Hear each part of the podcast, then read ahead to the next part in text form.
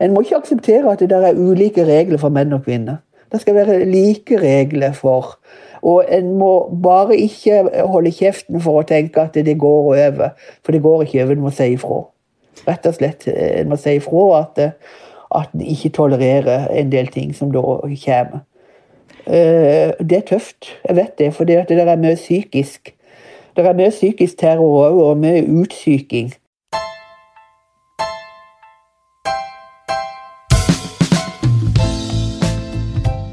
Toril Bransdal, velkommen til det hun sa. Tusen takk skal du ha. Dette her blir jo spennende. Ja, det gjør det for oss òg. Du er jo med oss på telefon fordi at det er litt smitterestriksjoner for tida.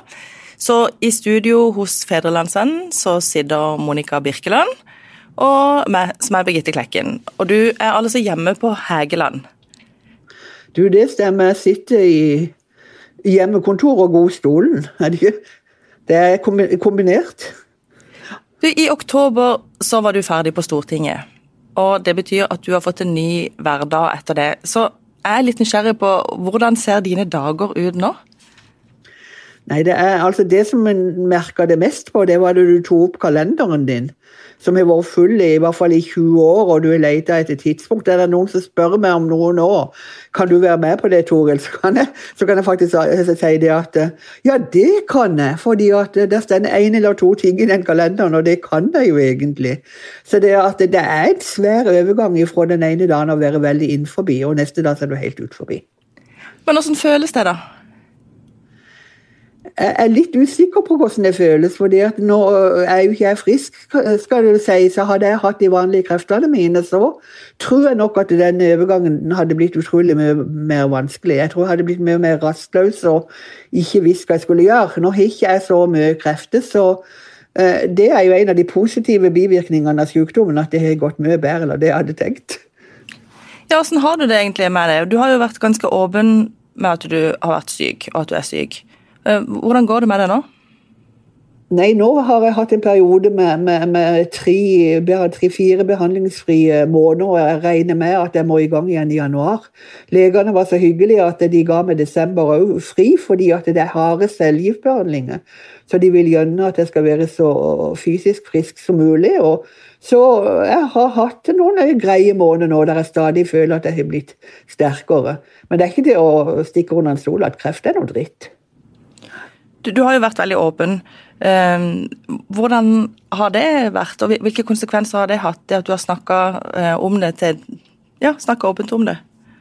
Det har brakt meg inn i ganske mange interessante samtaler om sykdom og om mental status og hvordan en takler ting. Ikke minst da jeg sitter på, på kreftsenter og, og, fått behandling der jeg treffer andre mennesker i tilsvarende situasjon. Så har de da sett eh, reportasjene om meg i media og føler at de da kan eh, være så modige at de da tar kontakt. Og vi får mange gode eh, samtaler der jeg lærer veldig mye. Og ser at denne sykdommen har sine utslag på veldig mange forskjellige måter med folk. Jeg har jo vært så heldig til nå, og jeg må understreke til nå at jeg har ikke gått i, i kjelleren. Jeg har vel beholdt stort sett humøret mitt og det er jeg jo veldig glad for, men jeg møter veldig mange mennesker som er sterkt deprimert i sin kreftsykdom. Og det er, det er tøft.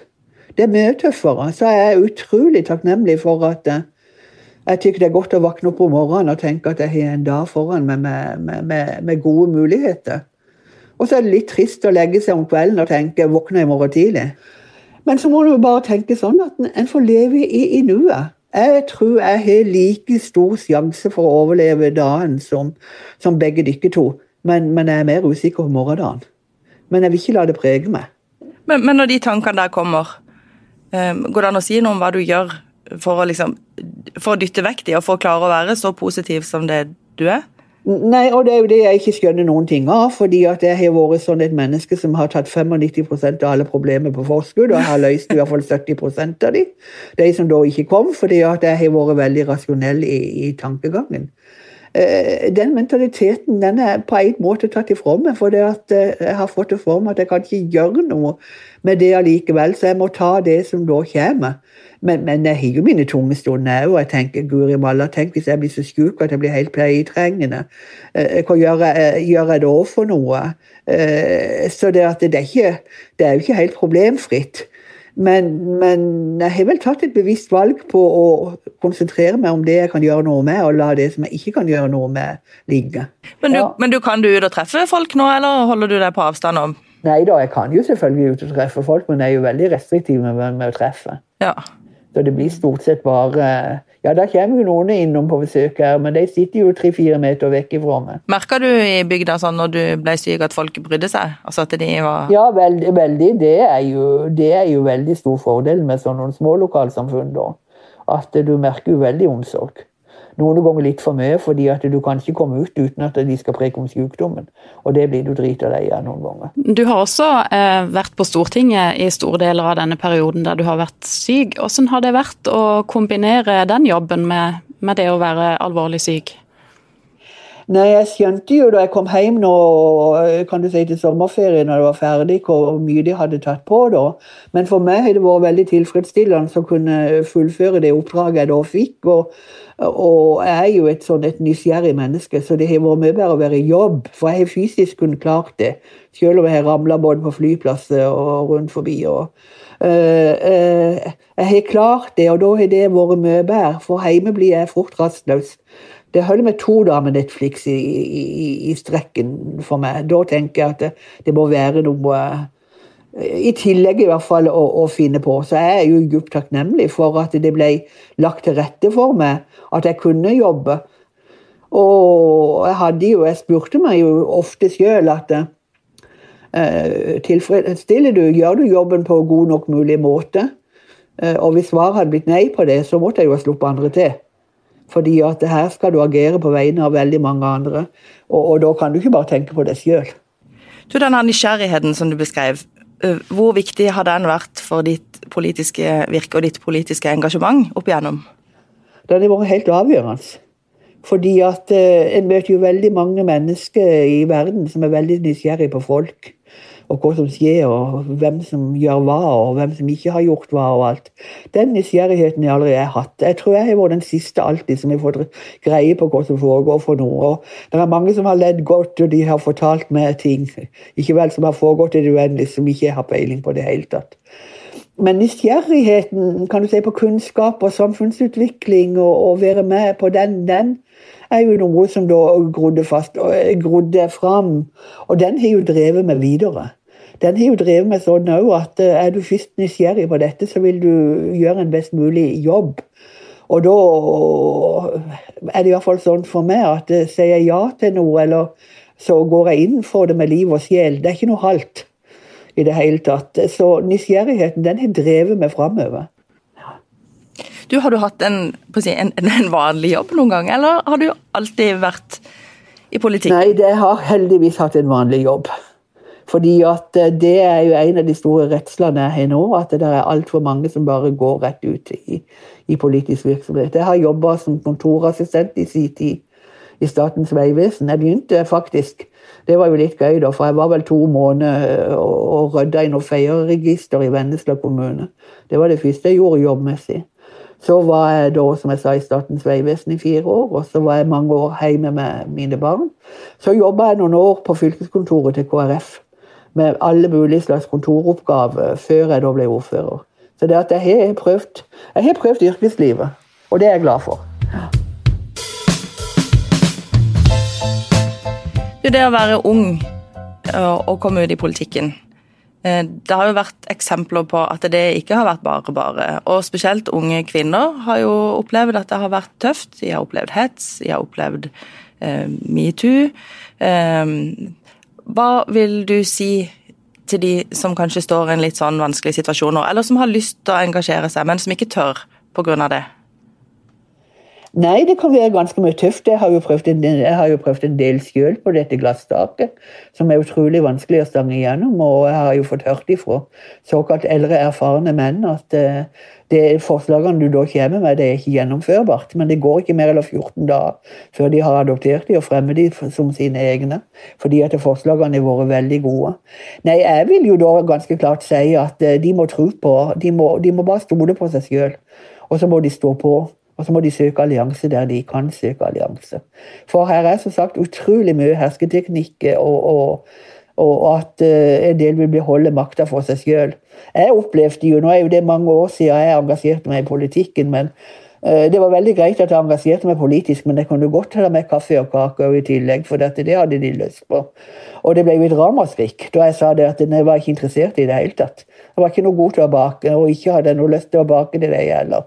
Fordi at uh, de, skal, de kom jo med disse flotte bakverkene hver gang omtrent. Men det var jo ikke de sjøl som hadde bakt det, det var jo kona som hadde bakt det. Og stått i det uendelige for å tilfredsstille dette. Så en må ikke akseptere at det der er ulike regler for menn og kvinner. Det skal være like regler for og en må bare ikke holde kjeften for å tenke at det går over, for det går ikke over. En må si ifra. Rett og slett. En må si ifra at, at en ikke tolererer en del ting som da kommer. Eh, det er tøft, jeg vet det, for det der er mye psykisk. Det er mye psykisk terror òg, og mye utsyking. Men det gjelder jo dypest sett det å, å beholde å beholde den makta de tror de har. De vil ikke ha noen andre inn på arenaen. Og unge kvinner, det er jo det verste som finnes i så tilfelle. For de skal ikke uh, i, hvert fall, i, hvert fall, ikke de. Men, men, men her gjenger jo verden framover. Men, men er jo dypt bekymra over den mobbinga som da foregår på, på sosiale medier. For den er både raffinert og utspekulert. Du sier det foregår utsyking. Har du opplevd det? Ja, ja, det har jeg opplevd. Kan du fortelle? Det, ja, jeg ble utsatt for det av en nokså nær. Jeg vil ikke eh, Det skal ikke identifiseres, for det er det ikke noe vits i kan du si, på dette tidspunktet. Men eh, som da på, på, på alltid, og dette var internt, eh, satte spørsmålstegn ved det jeg kom med. Om det var sant, og om det var rett, og lagde kan du si, koalisjoner mot meg. og uh. Altså det det tilførte Det førte til at jeg brøt nesten sammen. Jeg fikk nesten helt på laps, fordi at jeg ble mer og mer utrygg på hvert et møte jeg kom. Til slutt så sa jeg forlot jeg et møte og sa at jeg orket ikke å være her lenger. Og da sa jeg ifra at dette fant jeg meg ikke i lenger. Så da ble jeg jo så tøff at da smalt det ganske fort. Men det var jo det som berga meg, da. Så det at jeg tror ikke at det er innestående. Men, men før du kom... Men det var jo et spørsmål om makt, og et spørsmål om hvilke vedtak som da skulle, eh, som da skulle eh, fattes. Og da ble, du, ble en latterliggjort og tilsidesatt og hele, hele eh, remsa.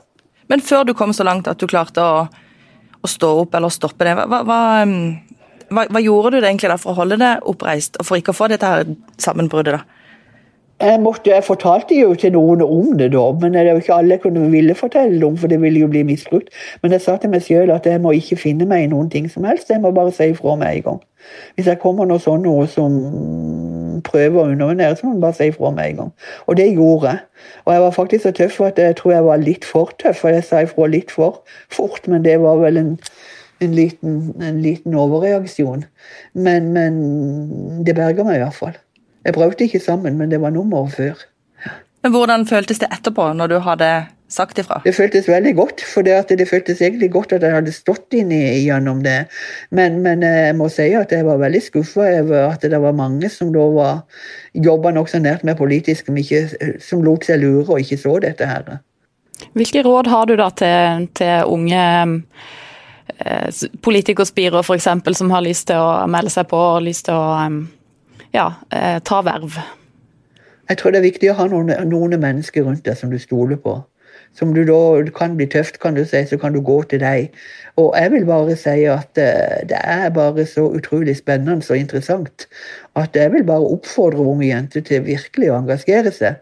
For jeg tror det er viktig at unge jenter har en stemme inn i, stemme inn i dette som for det blir fort veldig hardt og veldig kaldt og veldig mannsdominert. Du, Det er ikke alle som vet hva vi mener med glasstak. Du nevnte det i stad. Kan du si hva du tenker på? Ja, det kan jeg godt si. fordi at det er vel et begrep som da går i politikken, ja ikke bare i politikken, men i næringslivet òg. At det er greit å, å, nå til Det er greit for en kvinne, f.eks., for, for meg, for å bruke meg, å nå til et visst nivå ikke vel, på, på, på ting. Så vil du videre, har du ambisjoner om å komme videre, så er det mange som reagerer på det. Og da blir kan du si, det punktet utrolig mye mer vanskelig å, å forsere. Og det er derfor det blir kalt et glasstak. At det, er det du har så jeg har jo opplevd mange ganger at jeg har nok forsert noen glasstak. og det, det, er hardt å forsere, men så går det veldig mye lettere etterpå. For da må de legge om taktikken og tenke at ja, da får vi prøve å ta henne på det nivået hun er nå. da, og Går det videre, så skal, de ta, så skal den tas på neste nivå. Så det, det er mange glasstak opp igjennom. Det er det. Toril, eh, familien din, hva betyr de for deg i, i ditt liv?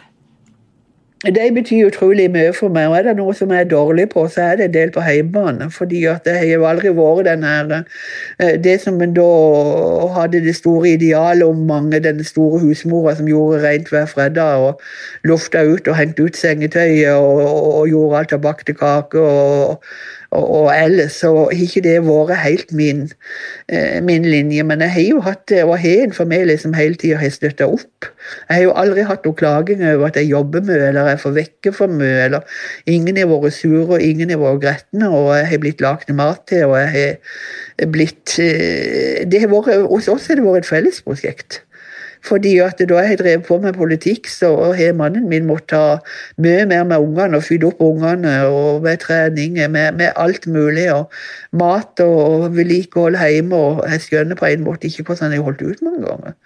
For det, er jo utrolig mye kjedeligere eller dette med å vaske eller støvsuge, og, og det er jo mye kjedeligere å drive politikk. Hvis jeg sier likestilling, hva tenker du på da? Jeg vet ikke hvordan jeg skal definere det, for jeg har et litt ambivalent forhold til det med, med, med, med likestilling. Likestilling er for meg like muligheter. Uansett. Uh, og så merker jeg jo at det er en del spørsmål i samfunnet som bruker likestilling i plassen for det som det da egentlig skal dreie seg om. F.eks. likestilling i en del kristne miljøer.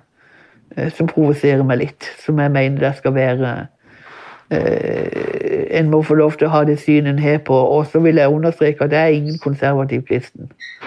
Så det er ikke de konservative miljøene jeg da vil framsnakke.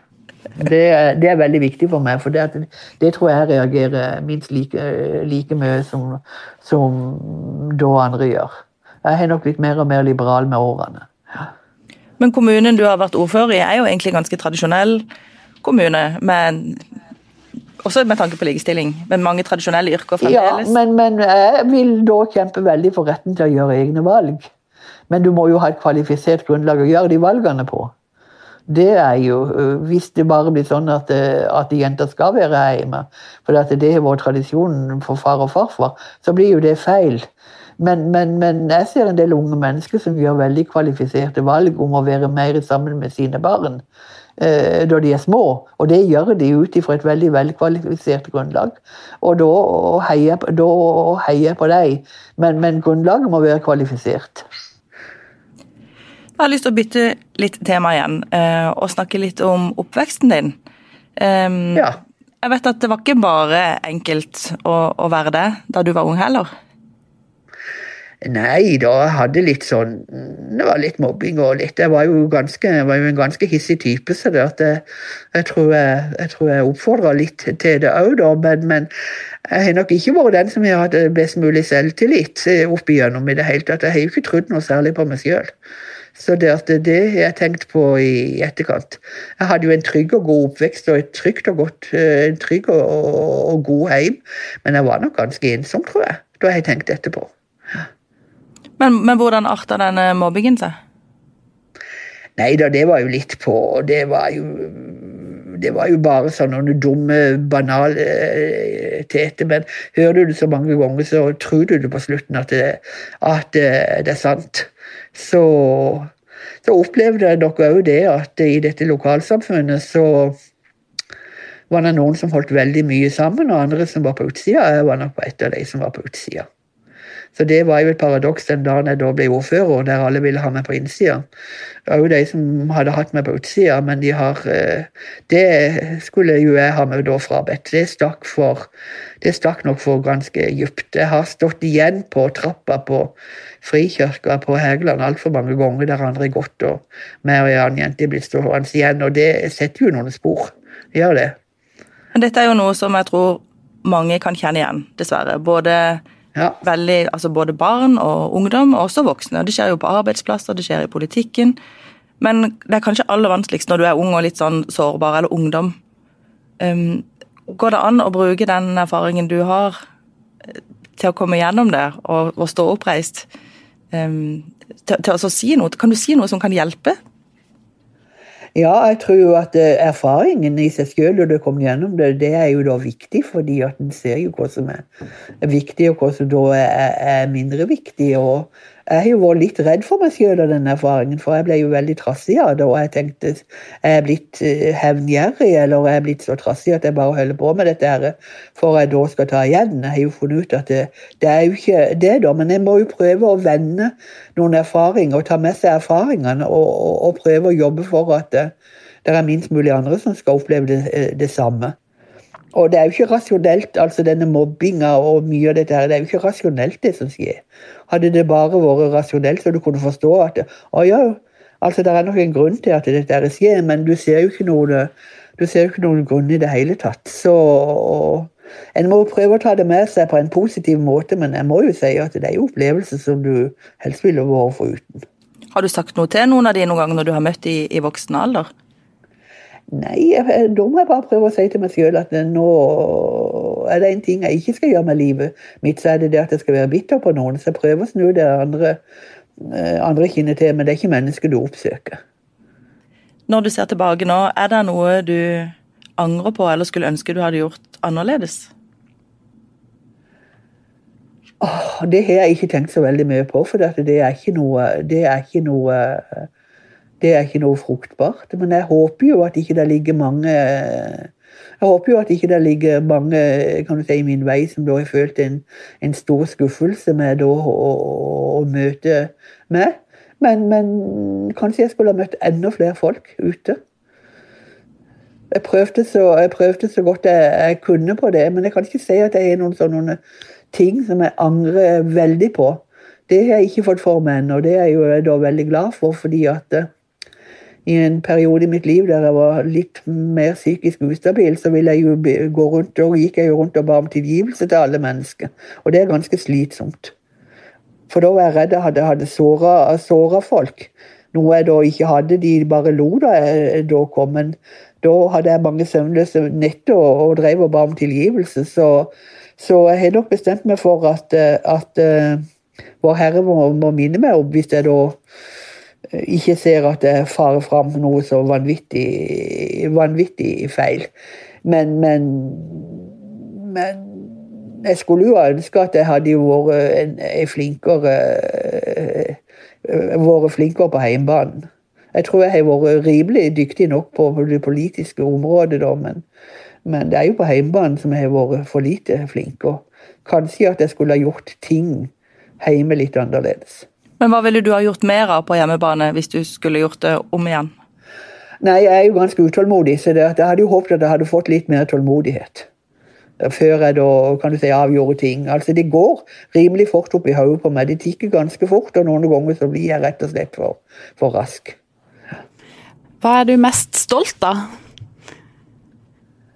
Jeg er jo veldig stolt over at ei vanlig jente fra skogen oppe i Hægeland da kan være Kan du si Ha guts og krefter til først å sitte i kommunestyret, som jeg har gjort i, i 26 år. Jeg vært ordfører 18 år av de, og jeg sitter fire år på Stortinget. Og, og, og komme så langt. Det, altså det er jo jeg veldig stolt av. Og så er jo de 18 årene som ordfører i Venstre de beste årene som jeg har hatt politisk. Eh, å komme på Stortinget, det er jo Ja, det kunne det sies veldig mye om, da. Det er ikke så effektivt at de gjør noe.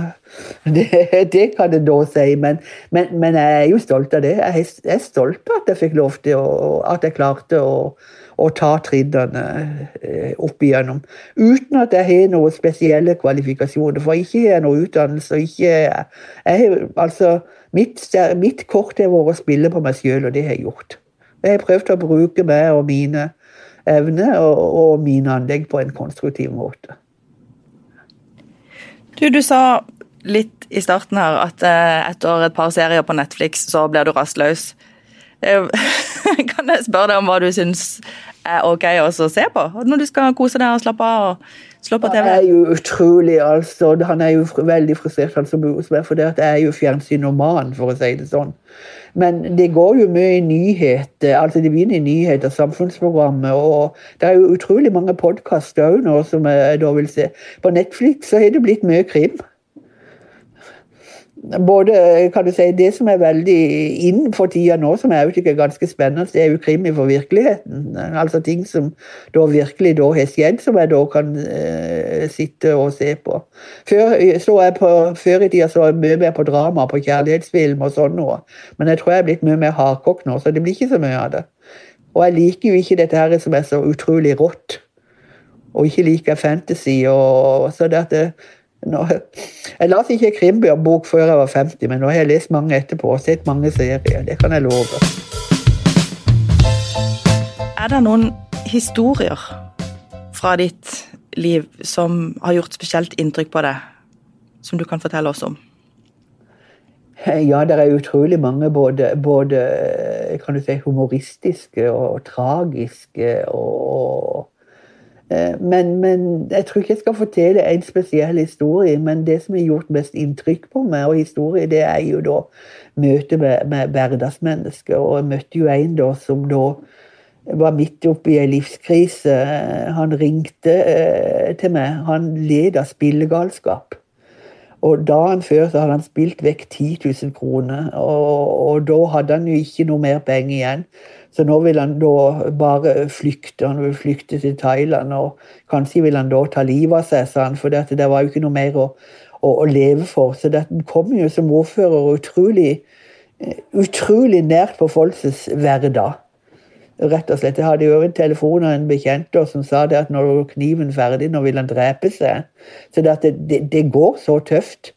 Jeg opplevde jo òg at det var en veldig psykisk ustabil mann som da bodde framfor kontoret mitt ute, som ropte inn i servicetorget at han skulle drepe meg. Ikke vel, så det, at det er jo ikke noe Det, det er jo sterke historier, dette som da, som da preger Og så har en jo òg møtt mennesker som da kanskje har fått hjelp fra det offentlige, som har fått et nytt og bedre liv. Det var jo ei dame som ringte til meg en gang og var så rasende sinna på Jeg kan ikke minnes om det var brøyting eller noe, men, men da hun la på, så sa hun at eh, vi var fremdeles like uenige, men det var greit å preke med meg. Så det er utrolig mange historier som en da kan eh, dra fram, men fellesnevnerne er jo at dette er i forfolkets. Og det å få lov til å være inni og gjøre en forskjell inni i folks hverdag, det er jo da vår høydere dette med å, å, være i politikken innebærer jo også at du må ta en del upopulære avgjørelser. Ja, det gjør det. Hvordan eh, går du inn i det, og hvordan takler du det som eventuelt kommer da i etterkant? Da er det utrolig viktig både på faktagrunnlag, altså for jeg mener at de aller fleste vedtakene i politikken skal være faktabasert. Og da er du nødt til å innhente en del kunnskap om hvordan saken virkelig står. Og så må du på det gjøre deg opp en mening og være veldig bestemt, eller tenke på, på, på om, du, om, du, da kan stå i denne saken. For det kan du ikke stå i saken, så er det mye bedre å aldri begynne på den. Men så er jeg nok ganske tøff. Jeg var nok ganske tøff hvis jeg hadde bestemt meg for å stå. Da, da, ble jeg ganske irritert på noen da som sto en stund, og så snudde de fordi det var mest bekvemt. Og da mente jeg at da hadde de jo ikke kanskje jeg ble for trassig, da, men da hadde de ikke nok tro på, på det de da mente sjøl. Men så er det jo òg ganske viktig at hvis du mot formodning skulle komme i den situasjonen at du ser at det som du stender for, er feil, så må du bare legge deg flatt, og så må du be om unnskyldning. Og så må du ikke minst si at dette er feil. Har du gjort det mange ganger? Ja, jeg gjorde jo, jeg gjorde jo det for ikke så veldig lenge siden. Jeg gikk jo ut offentlig og sa at jeg nok hadde tatt feil da det gjaldt å anbefale hvilken regjering som partiet skulle være med inn i. Eh, så jeg har gjort det, ja. Og jeg har jo òg da fått spørsmål i Stortinget eh, om en del ting som jeg bare svarte med ja og nei. Og det satte folk helt ut, rett og slett. Fordi at eh, det var om å gjøre å bruke hele, hele taletida. Men, men, hvis jeg da ble konfrontert om at KrF hadde gjort sånn og sånn og sånn, og sånn, og, og var det, ble det feil, så svarte jeg bekreftende til det, og, og ferdig med det. Og det var jo litt sånn komisk å oppleve at da ble motpolitikere og de satt ut. For det burde jo være helt naturlig. Hva drømmer du om nå, Toril Bansdal? Nei, Jeg drømmer vel om å bli frisk. Jeg vil jo si det at jeg får noen flere leveår, sånn at jeg kunne finne på noe litt mer sprell. Jeg kunne godt ha tenkt meg å ha krefter til å være litt mer aktiv. Samtidig som jeg takker for hver dag som jeg får lov til å, å leve. Det er jo da en gave. Men jeg drømmer om at det er lenge til at kreften skal vinne over meg. Du, troen, hvor, hva, hva betyr den for deg i hverdagen? Nei, den betyr veldig mye. Det er veldig sterkt. Og alle disse menneskene som jeg møter, som sier at de, de ber for meg. Og jeg har alltid hatt en, en grunnfesting der. Jeg er nok ikke den kan du si, mest karismatiske eller den mest konservative. Men den ligger som en bunnplanke i, i, livet mitt. Og, og, det er klart at den er jo med å, å føre litt og, og lede litt. Men trua er jo en positiv kraft i, livet mitt. Jeg ser altfor mange ganger at trua blir en negativ kraft hos noen. Men hos meg er det en positiv kraft. Du, Vi har noen faste poster i podkasten. Ja. Den ene handler om at gjesten får lov til å fremsnakke en annen dame som vedkommende ser opp til, eller som har betydd noe, eller som har vært en støtte, eller som man bare syns fortjener å bli løfta fram. Har du noen du har lyst til å, nevne? Det var jo ganske vanskelig, da. For der kan, være, der kan, jo, eh, der kan jo være veldig mange som en da kunne, kunne preke om etter en lang, lang periode. Men den dama som jeg tykker er tøff nå, altså det, hun heter Karin Langeland. Karin Lilletun Langeland og sitter i formannskapet i, i kommunestyret i, i, Vennesla og jobber veldig målretta og veldig veldig bra for å utvikle lokalsamfunnet. Og kanskje er det fordi at jeg er så veldig enig med henne i de standpunktene hun da har. Men hun er ei dame som da har gutsen og potensial i seg. I sin tid var jeg òg sammen med fylkesordfører i Aust-Agder Laila Øygarden, som da òg var ei tøff dame, som da var virkelig seg sjøl og ikke eh, la skjul på noen ting som helst. Hun hadde jeg utrolig stor respekt for, så det jeg har møtt mange kvinner. Men, men, men, men, Karin håper jeg jo virkelig skal utnytte sitt eh, hele og fulle potensial, for det vil bli veldig bra. Du snakka tidligere om at det er noen som eh, Altså, det er viktig å ha noen som man kan lene seg på hvis man eh, f.eks. er ung og skal inn i, i verv. da. Har du hatt noen som du har lent deg på på den måten? Jeg har nok hatt folk jeg har kunnet preke meg, ja. Eh, det har jo stort sett gått litt mer på meg sjøl, at jeg har vært litt reservert på hva jeg vil som utlevere, men det har vært mennesker eh, Jeg hadde, da du preker om dame, ja, den aller viktigste dama, nå kom det jo ei dame.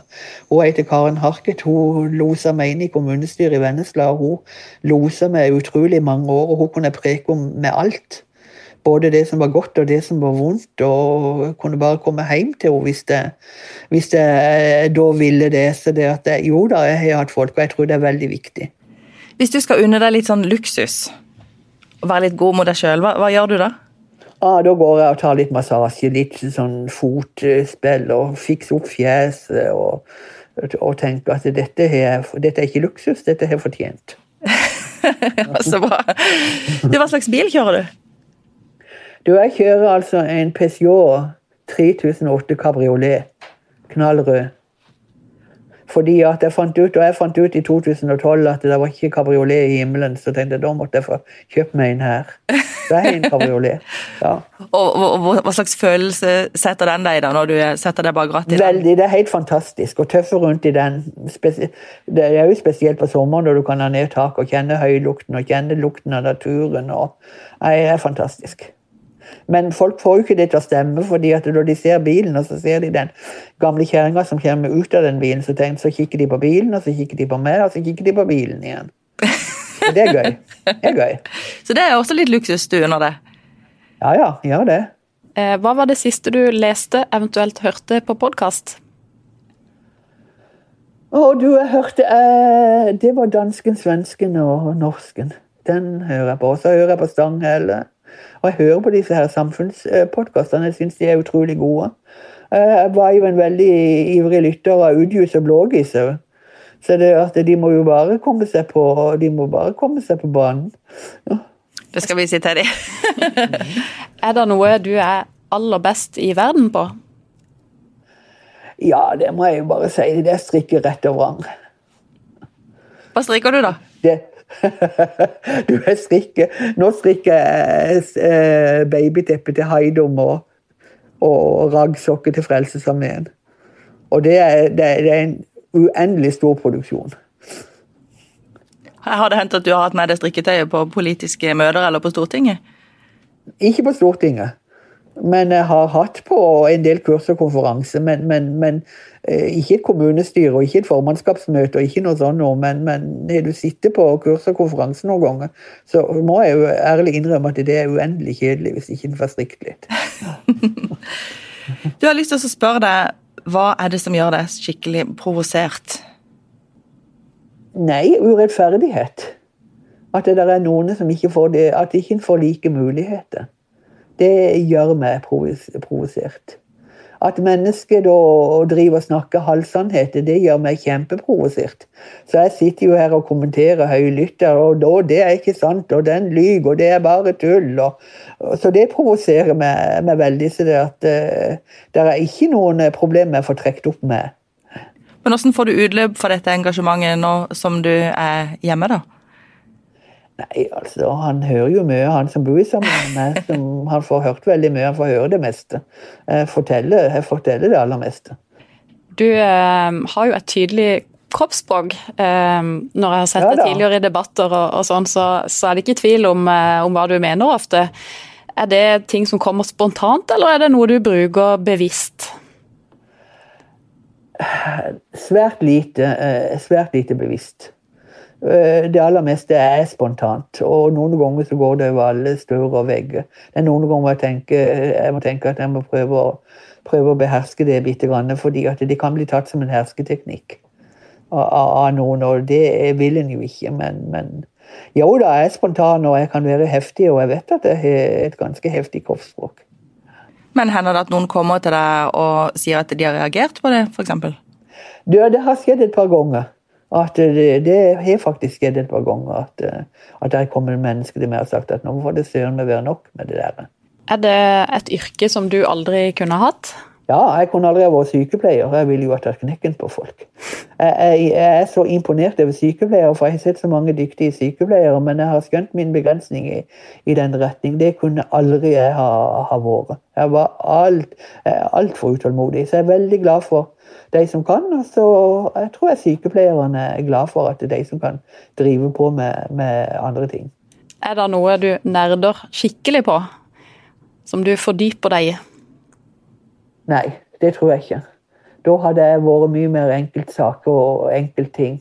Så det, det, er nok ganske mye bredere for meg. Jeg er nok stort sett veldig nysgjerrig på veldig mange andre ting. Så det at eh, Jeg tror ikke du kan kalle meg nerd. Men jeg er faktisk ganske mye bedre på PC-en eller dame på min alder. Og det er jeg faktisk stolt av. Du, nå har du en, en gyllen mulighet her til å si akkurat det, du, akkurat det du har lyst til til lytterne. Da tror jeg jo at det er viktig at vi står på. At vi tar ansvar. At det, eh, er alltid et medmenneske som en da kan se litt på og kanskje trenger vi trenger litt hjelp og trenger litt omsorg. At vi lager et samfunn som ikke bare i navnet er varmt, men i gavnet er varmt. Det tror jeg jo er viktig. Det å bry seg er viktig. Hvis vi er så heldige å få deg tilbake igjen her om et år, og så skal du se tilbake på året som har gått, og hva du har fått til. Hva, hva skulle du ønske at du kunne fortelle om det? Og jeg skulle ønske at jeg kunne fortelle at jeg var litt greiere å leve sammen med. Litt mindre hissig og litt mindre Litt mindre sånn. Og så hadde jeg veldig håpet at jeg kunne si at jeg var i bedre form enn det jeg var, var nå. Eh, og at jeg da hadde klart å ta hver dag for seg. Toril Bransdal, tusen takk for at du tok deg tida til å snakke med, snakke med, oss i det hun sa. I like måte. Tusen takk for at jeg fikk være med. Ja. Du har lytta til Federlandsvennens podkast 'Det hun sa' med Birgitte Klekken. Har du tips til andre bra damer vi bør snakke med, eller har du lyst til å dele inspirerende erfaringer fra ditt arbeidsliv? Ta kontakt på det hun sa fun.no.